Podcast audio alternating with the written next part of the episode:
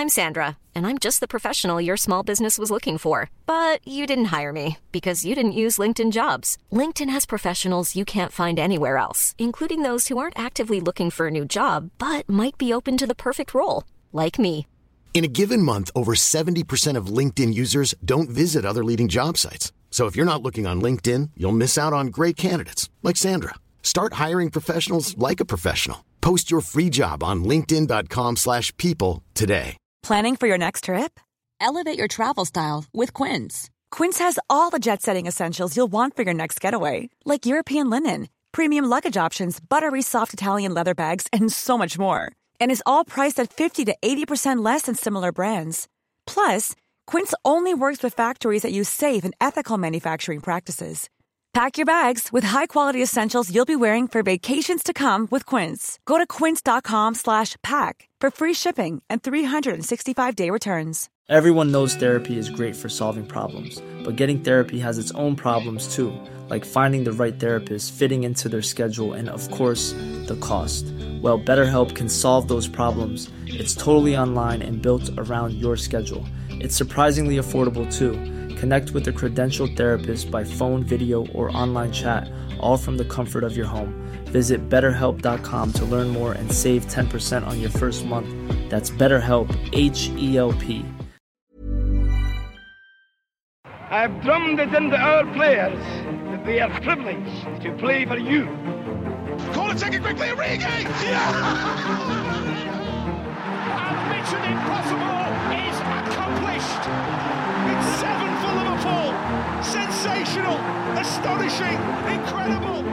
Du hører på Pausepraten dokumentar fra Liverpool supporterklubb Norge. Jeg heter Mari Lunde, og dette er historien om Bill Shankly.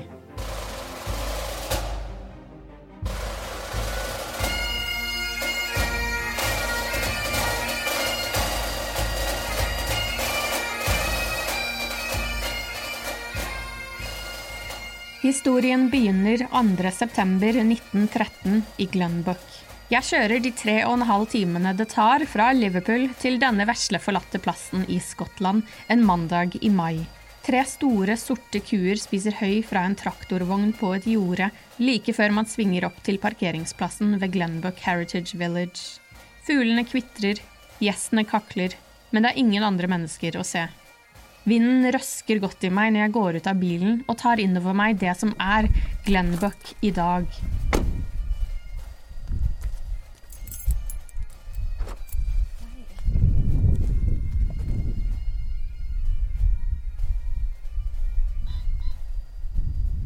Men jeg er her helt alene. Det er meg. Jeg kan høre noen skyr i bakgrunnen. Det er helt sikkert sauer i området òg, fordi jævla mye sau på veien. Men eh, det er helt, helt sprøtt at, eh, at dette en gang var en liten landsby med masse hus. Det er ingen hus igjen. Bill Shankly selv har jo kalt dette for eh, ytre Mongolia. At det kunne minne om ytre Mongolia. Og jeg har aldri satt min fot i Mongolia, men jeg skjønner godt hva han mener med disse åpne slettene. Men det er fint. Finner man også en minnestein til Bill Shankly. Seldom in the history of sport can a village the size of Glenbuck have produced so many who reached the pinnacle of achievement in their chosen sport. This monument is dedicated to their memory and to the memory of one man in particular, Bill Shankly. The legend, the genius, the man, står det her. Og kommer eh, Liverpool-supportere fra fjern og nær og legger ned, legger ned flagg og skjerf og noen fotballer, noen luer. Et munnbind til og med. Det er jo koronatider. Eller det har jo vært koronatider. Du er unnskyldt hvis du aldri har hørt om Glenbuck. Men den lille landsbyen 40 mil sør for Glasgow er ikke glemt, selv om så godt som ingenting står igjen i dag. Her finner du bare en Heritage Village som åpnet i 2019, og som hyller landsbyens imponerende fortid og menneskene som gjorde Glenbuck til Glenbuck, og satt stedet på fotballkartet. Glenbuck ligger i East Ayrshire og ble bygget ved siden av Glenbuck Lock, en lokk på elva Air. Lokken er menneskeskapt, bygget av franske krigsfanger for å skape energi til et bomullsspinneri i byen Catherine, rundt 20 km vest for Glenbuck. Vannet sies å være fullt av ørret, men ingen fisker. I Glenbuck ble det først opprettet et jernverk i 1796, før kullgruvene dukket opp de neste årene. Her bodde det mennesker, familier. Det var ikke mange, på det aller meste bodde det under 1700 her, men det var liv. Nå er det ingen bygninger igjen. Den siste kullgruven stengte i 1933. Skolen stengte i 1951. Matbutikken i 1953, og innen 1954 hadde mesteparten av befolkningen blitt flyttet til nabobyen Muirkirk. Etter hvert forsvant alle husene. Ingenting står igjen, bare et enormt dagbrudd, en utendørs gruve, oppe i fjellene. It started in Glenbock in the 2nd of September 1913. Barbara Alexander er en flott dame tidlig i 80-åra. Hun lukter godt. Hun har rød neglelakk. Hun tar på seg leppestift hver dag, sier hun, selv på dager hvor hun ikke forlater huset. Hun gir lange, gode klemmer, og hun kjenner alle i Comnock, en landsby en 20 minutters kjøretur fra Glenbuck. Jeg møter henne på et hotell i Comnock, men hun vil til Glenbuck. For det var i Glenbuck Barbara vokste opp. Hun bodde der helt til 1970-tallet, da hun møtte mannen sin og flyttet til Comnock som en av de siste som forlot Glenbuck. Moren til Barbara, Elisabeth, hadde ni søsken. De var fem gutter og fem jenter. I tillegg til foreldrene John og Barbara. Den yngste gutten i familien het William. William Shankly, som skulle bli kjent i en hel fotballverden som Bill Shankly, mannen som revolusjonerte Liverpool Football Club, og som har satt sitt preg på en hel fotballverden. En mann av folket, et unikum av en fotballmann. Barbara er Bill Shanklys niese. For henne heter han ikke Bill Shankly. Han heter ikke Onkel Bill heller, for her, i denne delen av verden, så er det ikke det navnet Bill Shankly er kjent under. Her heter han Wally Shankly. I'll just start calling him Willie because in Muirkirk, if you said, what about Bill Shankly? Oh, I don't know Bill Shankly. What about Willie? Aye, that's who it is. Mm -hmm, uh-huh. Shankly-familien bodde i et hus i det som ble kalt Miners Row, eller Monkey Row, i Glenbuck, rett overfor fotballbanen. They were all born in Auchenstillach cottages, which was the Monkey Row. And it was two houses knocked into one. Det var små, hvite rekkehus. Huset de bodde i, var egentlig to rekkehus, og de måtte slå ned veggen for å få plass til alle barna. Peisen var alltid tent for å holde kulda ute. De hadde senger på hjul som kunne rulles under hverandre for å ta opp mindre plass på dagtid. De hadde utrolig nok en huske mellom kjøkkenet og et av rommene. Levestandarden i Glenbuck var lav. They had a wash house. It was a big long row. They had a wash house across the road and they had two toilets, which is no nice to talk about, but you put your ashes of your fire into this, it's called a midden, and you had the two toilets and you just went across and you did your needs and the bucket men came and swept put this into lorries and took it away and there was pumps. De hadde ikke strøm, ikke innlagt vann, husene hadde ikke toaletter. I stedet var det et felles vaskerom og utedoer for alle byens innbyggere. Og doene måtte tømmes regelmessig av mennene som jobbet på bucket lorrien. Ladies get a turn to do their washing, and if it was you were doing it on a Monday, you'd be up at five o'clock in the morning, putting the fire on to heat the water to do this washing. It was so poor, but you understand, we didn't know anything else. And Likevel snakker Barbara varmt om livet i Glenbuck, der samholdet var så viktig. Alle passet på hverandre. Det hendte at de unge stjal grønnsaker fra gårdene rundt byen, og da delte de poteter og neper med alle de andre. Det var aldri for egen vinning, det var alltid for fellesskapet.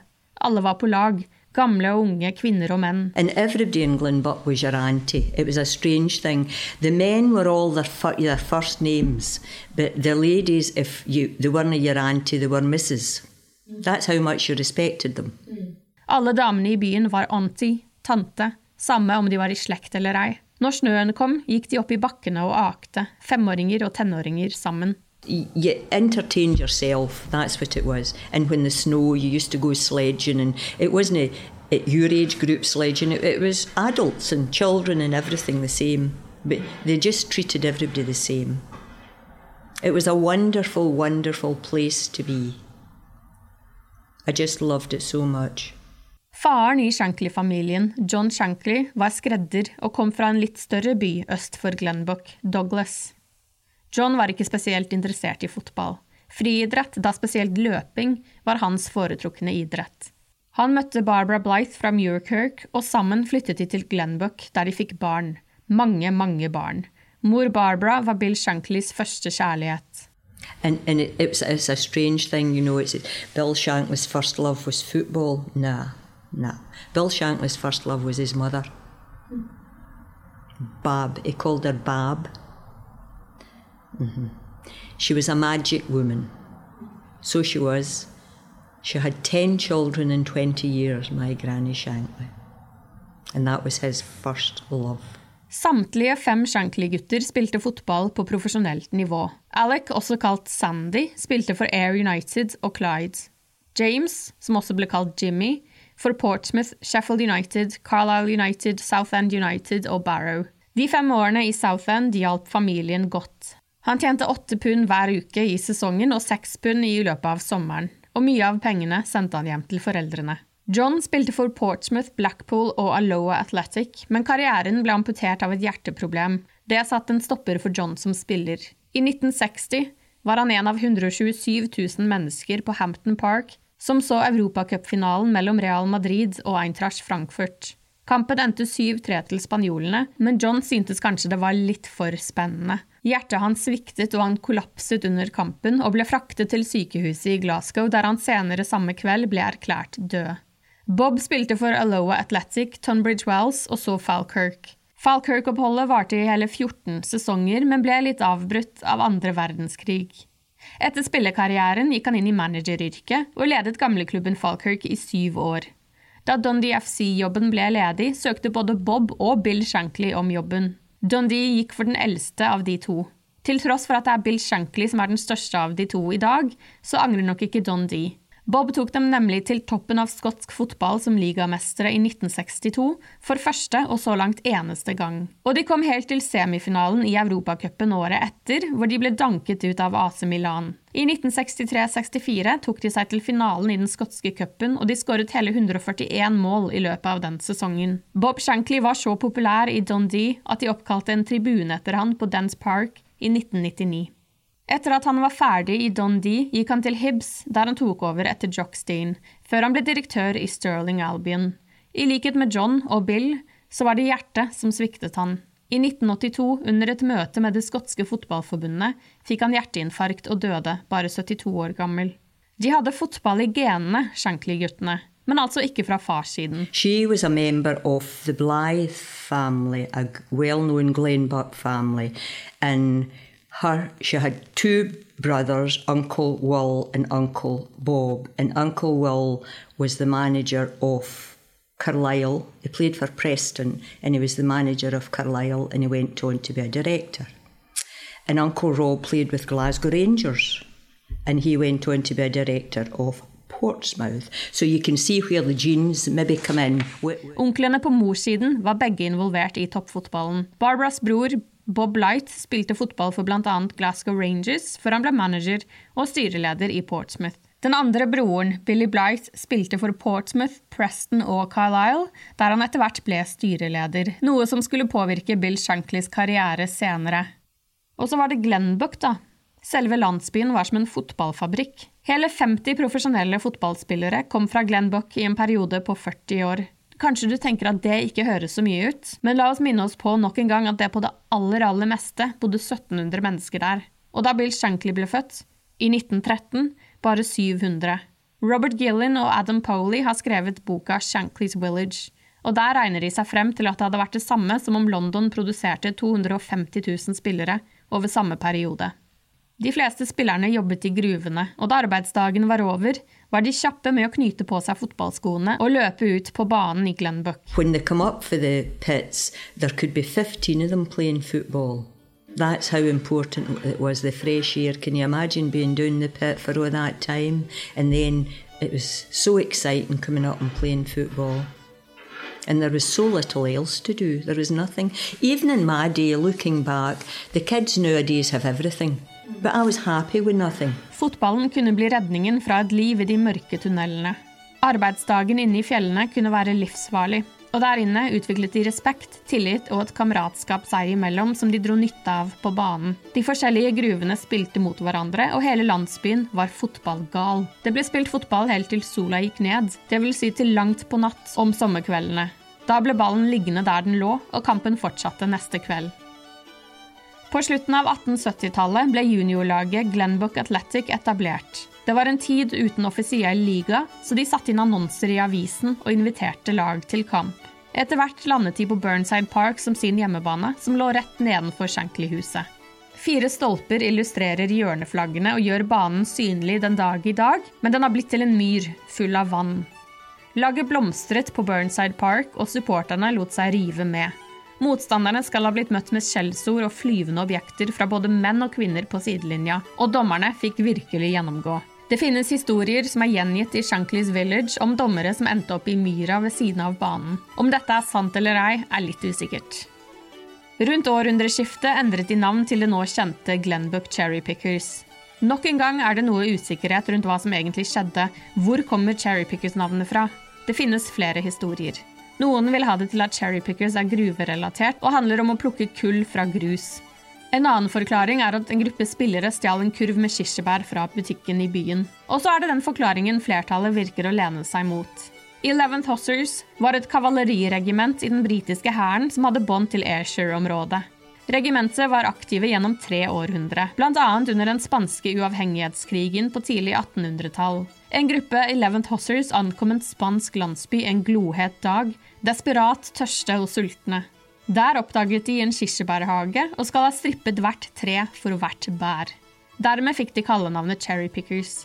Historien var godt kjent i Muirkirk-området, og to av Menzie-brødrene, som var en anerkjent familie innenfor fotballen i Glenbuck, skal ha gått med skyggelur fra Eleven Tossers. Historien var godt kjent i Muirkirk-området, og to av Menzie-brødrene, som var en anerkjent familie innenfor fotballen i Glenbuck, skal ha gått med skyggelur fra Eleven Tossers. Og slik skal navnet Glenbuck Cherry Pickers kanskje ha oppstått. Til tross for navnebyttet fortsatte suksessen i juniorfotballen helt frem til de siste gruvene stengte på tidlig 30-tall og ung arbeidskraft, fotballspillere, flyttet fra området. Det er flere i fotballverden som stammer fra gruvene i Skottland og England. Matt Busby jobbet i gruvene i Bellshill som ungdom, før han spilte for Manchester City og Liverpool, og senere ble manager for Manchester United. Jock Steen, som ledet Celtic til topps i Europacupen i 1967, jobbet i gruvene i Burnbank. Og Bob Paisley, som skulle bli Shankleys arvtaker i Liverpool, jobbet i gruvene i Durham i Nordøst-England. Men det var bare Glenbuck som klarte å produsere oppsiktsvekkende mange spillere.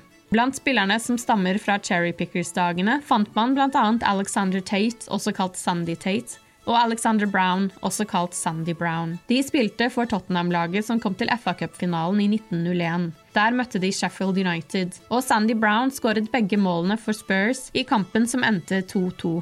I returoppgjøret vant Spurs 3-1, og Brown skåret ett av målene. Tate og Brown skal ha tatt med trofeet tilbake til Glenbuck, der det visstnok sto utstilt på den lokale matbutikken. Jeg måtte spørre Barbara om hvordan Glenbuck klarte å produsere så mange profesjonelle spillere. Why do you think this little village created that many professional footballers? There was nothing else. Mm. They were in the middle of nowhere. Yeah. Lanarkshire's six miles down the road. Muirkirk's five miles down the road. There was nothing. At least there was a picture house, two picture houses in Muirkirk, but there was nothing here. Mm. Absolutely. What else had they to do but play football? And that is why. No other interests. Det var altså få distraksjoner, lite annet å gjøre enn å spille fotball. Glenbuck har med andre ord mange fotballstoltheter å prate om, og den største av de alle var den minste Shankly-gutten. The youngest son was born on the 2nd of September 1913, and he was Bill Shankly. Bill Shankly sluttet på skolen som 14-åring. Han var en smart gutt. Han likte å lese, og han var stor fan av lyriker Robert Burns. Five tomahawks were blood red rusted, five scimitars were murder crusted, a garter which a babe had strangled, a knife A father's throat had mangled, whom his ain son life bereft, the grey hairs yet stuck to the heft, wi' mair of horrible and awful, which even to name would be unlawful. Men skolegang var ikke noe for han. Lærerne var strenge på den tiden. I stedet for å bruke spanskrøret, brukte de lærbelter for å gi elevene som ikke oppførte seg, en lærepenge. En historie om Shankly er at han ble fersket av en lærer da han sto på toppen av en stige, i et forsøk på å nå klokka og stille den én time frem. Straffen ble at han måtte stå på toppen av nevnte stige i en hel time. Rundt samme tid ble det bygget nye sosialboliger i Glenbuck, og Shankly-familien fikk flytte inn i et av dem. Huset hadde innlagt vann, toalett og bad. En enorm oppgradering fra de tidligere husene som var eid av gruveselskapene. Bill Shankly drakk ikke, og han røykte aldri. They, they always think that Bill Shankly um, is he loved football, yes he did, but he loved playing card games. Again, nothing else to do. What do you do when you've been down the pit, other than go and play football or play card games with the boys? Han likte å spille kort, han likte å bokse, han elsket å prate. Han elsket at andre ble tvunget til å høre hans stemme. Flere av de som vokste opp rundt han har fortalt at det ikke var et karaktertrekk alle likte. At når Bill Shankly kom vandrende mot en gjeng som sto samlet på et gatehjørne, så ville flere stikke, så fort de så han, for de orket ikke å høre på det evinnelige maset fra den yngste Shanklyen. Men de fleste ble værende, lyttende, lot seg fascinere av de mange historiene hans krydret med overdrivelser. Akkurat How would you like to look five years younger? In a clinical study, people that had volume added with Juvederm Voluma XC in the cheeks perceived themselves as looking five years younger at six months after treatment. Look younger, feel like you. Add volume for lift and contour in the cheeks with Juvederm Voluma XC. Reverse signs of aging by adding volume to smooth laugh lines with Juvederm Volure XC. For important safety information and to find a licensed specialist, visit juvederm.com. That's J U V E D E R M.com. Not for people with severe allergic reactions, allergies to lidocaine, or the proteins used in Juvederm. Common side effects include injection site redness, swelling, pain, tenderness, firmness, lumps, bumps, bruising, discoloration, or itching. There's a risk of unintentional injection into a blood vessel, which can cause vision abnormalities, blindness, stroke, temporary scabs, or scarring. Talk to a licensed specialist to find out if it's right for you.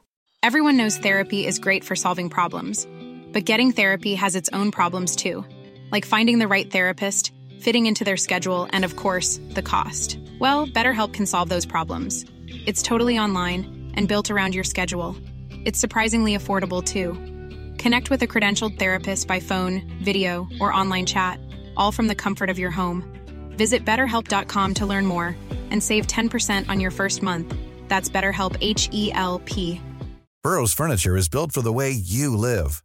From ensuring easy assembly and disassembly to honoring highly requested new colors for their award winning seating, they always have their customers in mind. Their modular seating is made out of durable materials to last and grow with you. And with Burrow, you always get fast, free shipping. Get up to 60% off during Burrow's Memorial Day sale at burrow.com slash ACAST. That's burrow.com slash ACAST. burrow.com slash ACAST.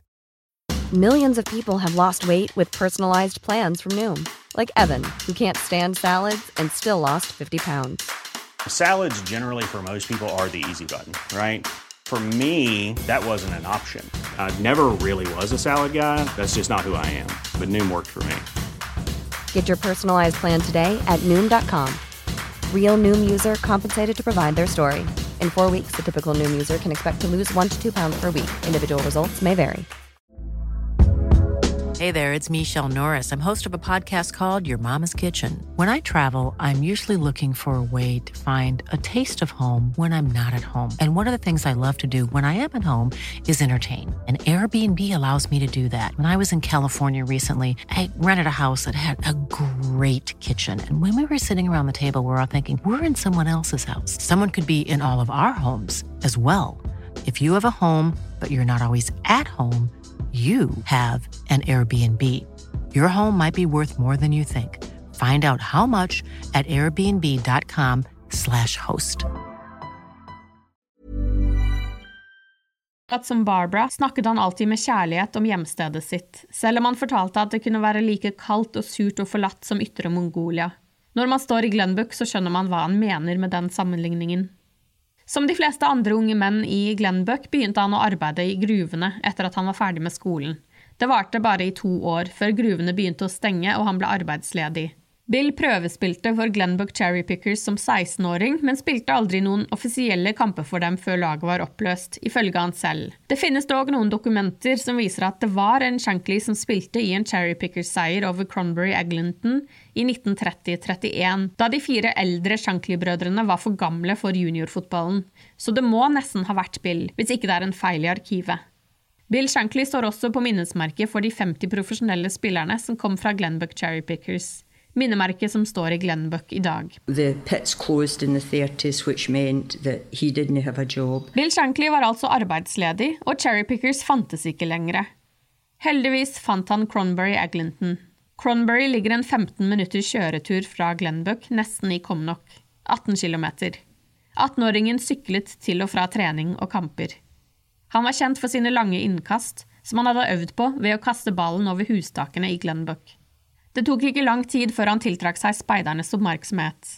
Han var på prøvespill for Carlisle sommeren 1932, og også Preston North End skal ha vist interesse allerede da. Preston North End var et bedre lag, så tenåringen var veldig usikker. Onkelen Billy Blight var styreleder i Carlisle United, og det var kortere vei hjem, og han var garantert mer spilletid siden de spilte på et lavere nivå. Det ble Carlisle.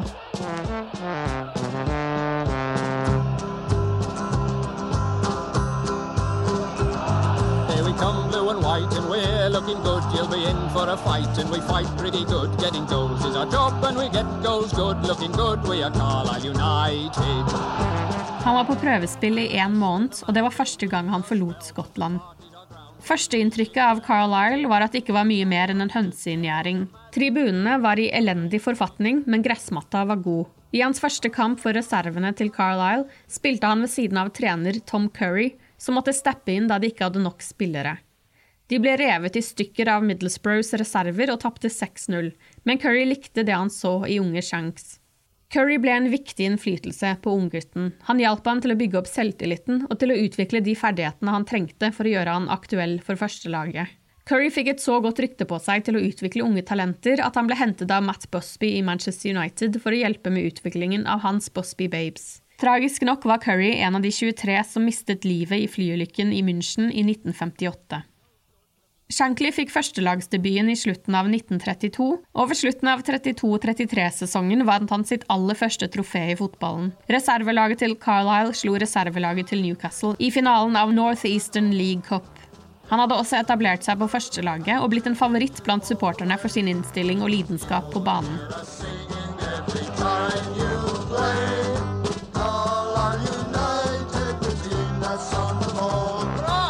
John Coleman er journalist i lokalavisa til Carlisle-området, News and Star, og dekker Carlisle United. Jeg møter han på en pub et lite steinkast fra Bronton Park, hjemmebanen til Carlisle United.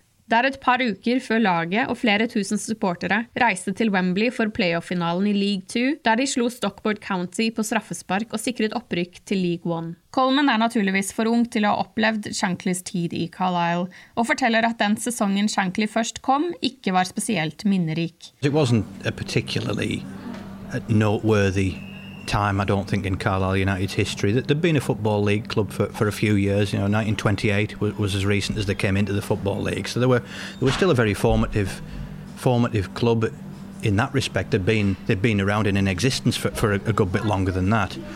Um, and they, sort of burst into the football league quite well. But by that time, the sort of early to mid 30s, the pre-war period, they, they, were they were they were they were holding their own. They were competing in what would be Division Three North but they weren't um, they weren't really flourishing, pushing on, going on to do sort of historic things in terms of the club's history. So I guess that time Shankly was there. It was in those formative times um, when the club was, I guess, just probably finding its feet as an early football league club and, and getting used to that environment, I suppose, in in you know, in a period where you know there was obviously a great interruption coming along a few years later with with the war. But yeah, I don't think it would go down as a season that you know, you have periods in a football club's history where they really stand out and they jump off the, the page of the history. I, I don't think that period necessarily would be one, in all honesty. Men Shankly stortrivdes i Carlisle. Han hadde fått sin første proffkontrakt, og han tjente fire pund i uka. Det var en familieorientert klubb med et tett samhold, og i tillegg var han nærmest garantert førstelagsfotball. Han hadde ingen planer om å dra noe sted, men den sommeren fikk han et telegram fra klubben. Han måtte komme tilbake umiddelbart for å diskutere en overgang til Preston North End. Shankly ville egentlig ikke. Han fryktet at han måtte spille reservelagsfotball. I tillegg var han redd lønna ikke var god nok til å dekke dyrere leiepriser i Preston, og det ville i tillegg bli dyrere å ta toget hjem. Og så likte han atmosfæren i den lille klubben Carlisle. Derfor sa han i utgangspunktet nei takk til Preston. Da reagerte storebror Sandy. Han la ikke skjul på hva han mente om lillebrorens avgjørelse. Preston var i andredivisjon, med gode muligheter til opprykk. Sandy mente at summene det var snakk om nå, ikke var så viktig. Det viktige var hva han kunne oppnå langsiktig, både fotballmessig og økonomisk. Han hørte på storebroren, og Bill Shankly ble den sjette Glenbook-gutten til å spille for Preston.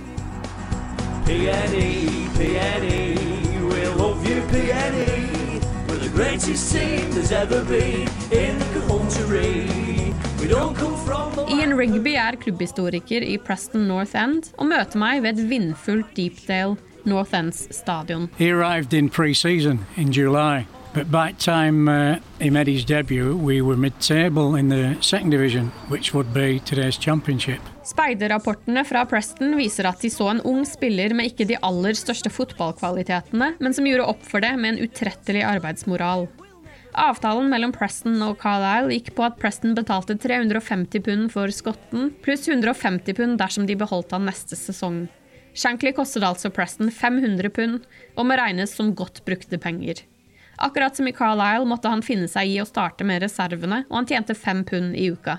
Men innen første sesong var over, hadde han etablert seg på førstelaget. He, he settled in straight away. They won 5-0 on his debut, and I think they won 15 games out of the last 24 and we got promoted to the top flight. Da Shankly kom til Preston, spilte de på nest øverste nivå. Etter Shanklys første sesong hadde de sikret opprykk til toppnivået i engelsk fotball.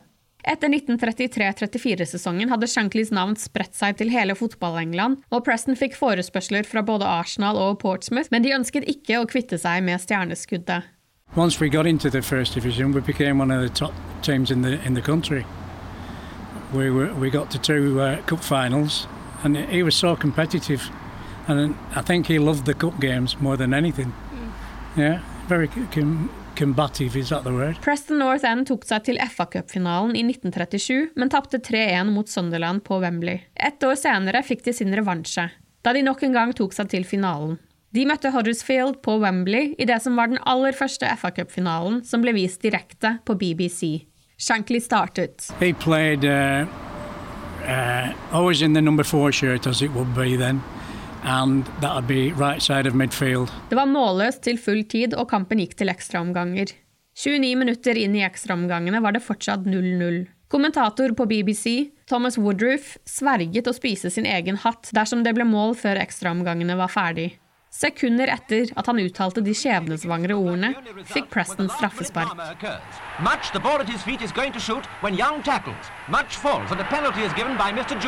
I biografien sin fra 1976 fortalte Shankly om øyeblikket der Prestons George Much tok løpefart og klinte til ballen fra straffemerket.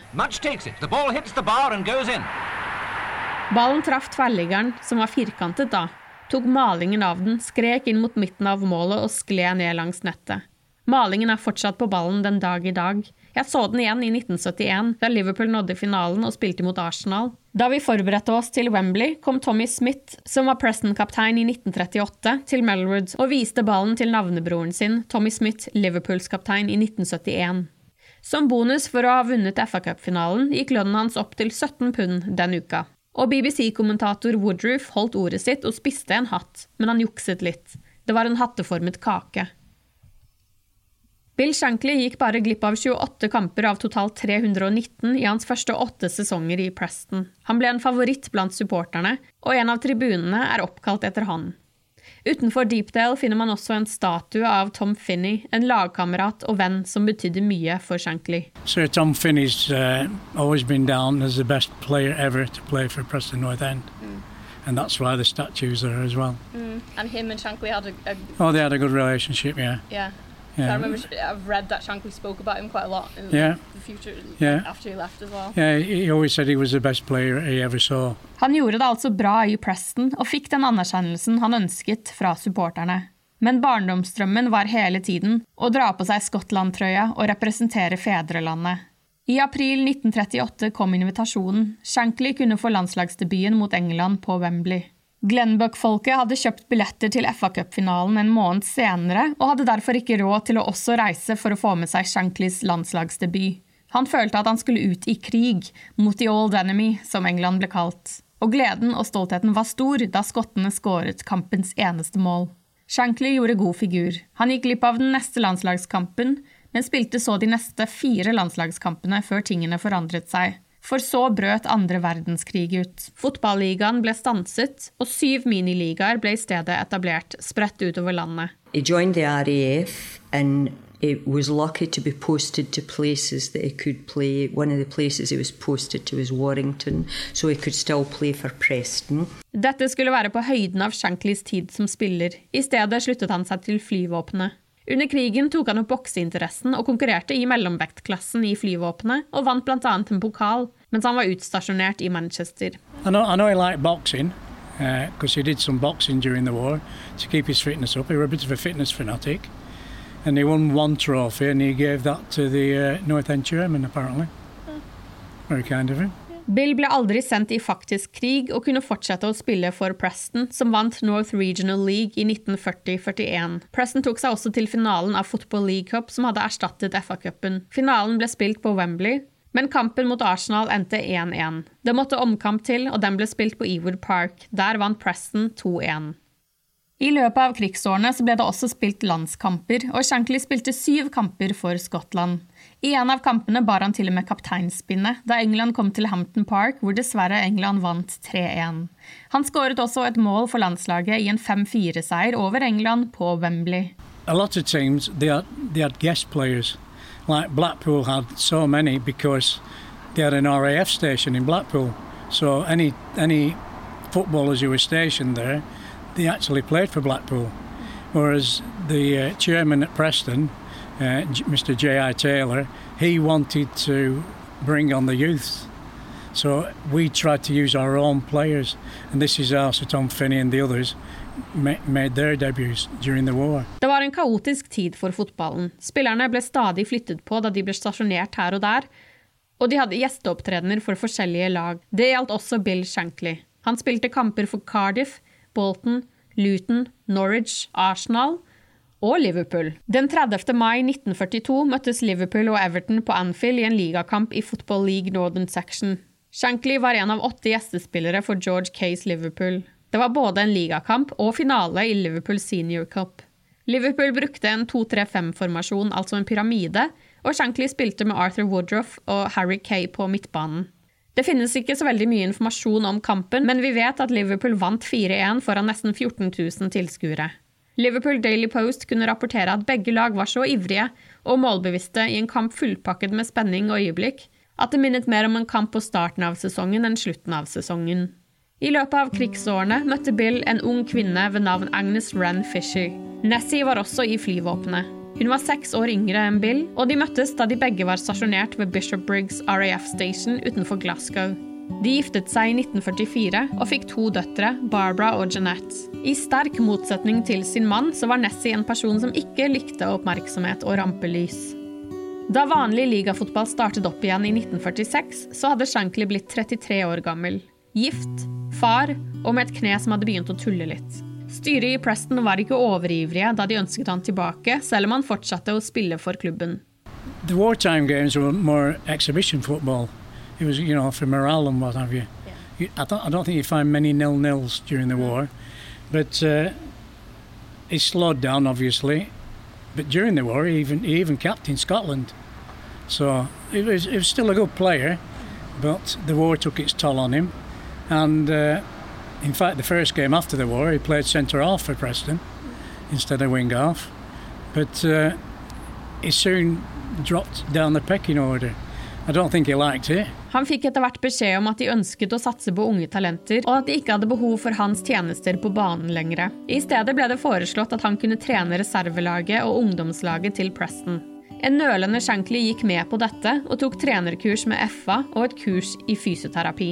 Samtidig mente han at han burde fått pensjonspenger fra Preston etter over 300 kamper for klubben.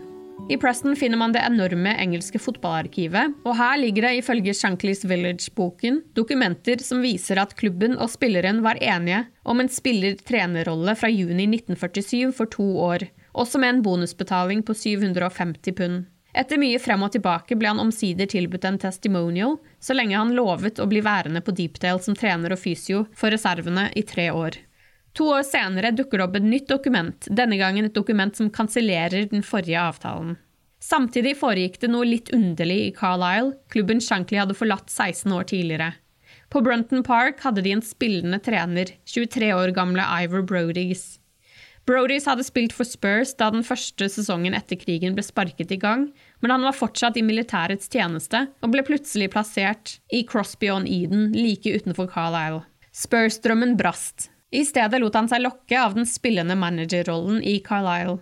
Etter to år var talentet hans blitt en kjent sak, og i januar 1949 gjorde han det noe uvanlige. Han solgte seg selv til Sunderland for 18 000 pund.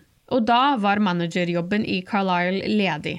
De utlyste stillingen, fikk 40 søknader, og blant dem var navnet de kjente så godt. 36 år gamle Bill Shankly. But this is where uh, allegedly they fell. Because he wanted to go as player manager.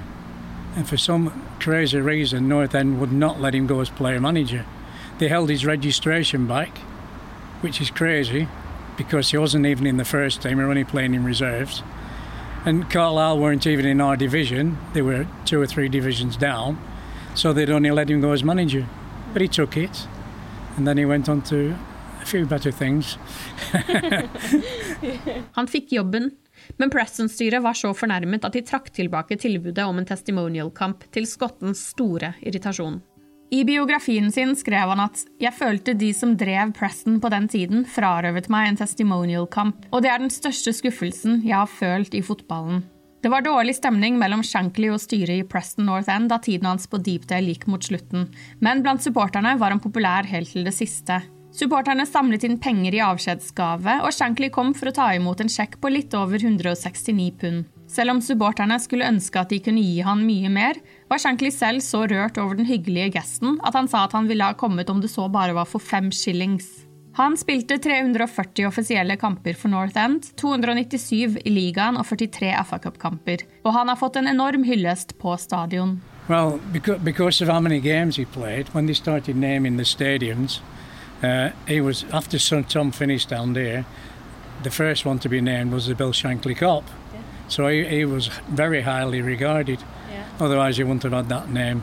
Den 36 år gamle fotballgærne helsefriken ble altså tvunget til å legge skoene på hylla som spiller, men det var nå hans kanskje største fotballreise skulle begynne. Reisen som manager.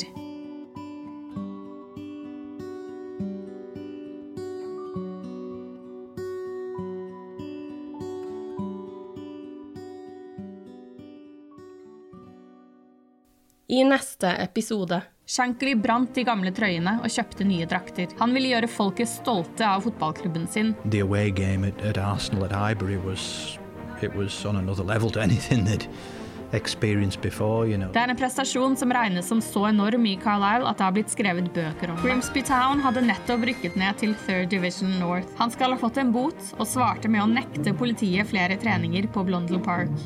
Han oppmuntret spillerne til å løpe seg i hjel for Grimsby Town. That is for effect. Og han hadde funnet de to spillerne han mente han trengte for å sikre opprykk med Huddersfield. Ron Yates og Ian St. John. Og da han i november 1959 ble kontaktet av Liverpool igjen, ble han fristet. Bill Shackle er jo kalt Messias, og for Liverpool var han frelseren. Pass and move. Det var inspirert av fotballen i Glenbuck. Med de to gutta så gikk vi opp. Det tror jeg. Eh, og det gjorde de. Men det var langt ifra godt nok for Shankly. The best word I can say, but uh, will describe this was boom. Ooh, what was this? It was really good.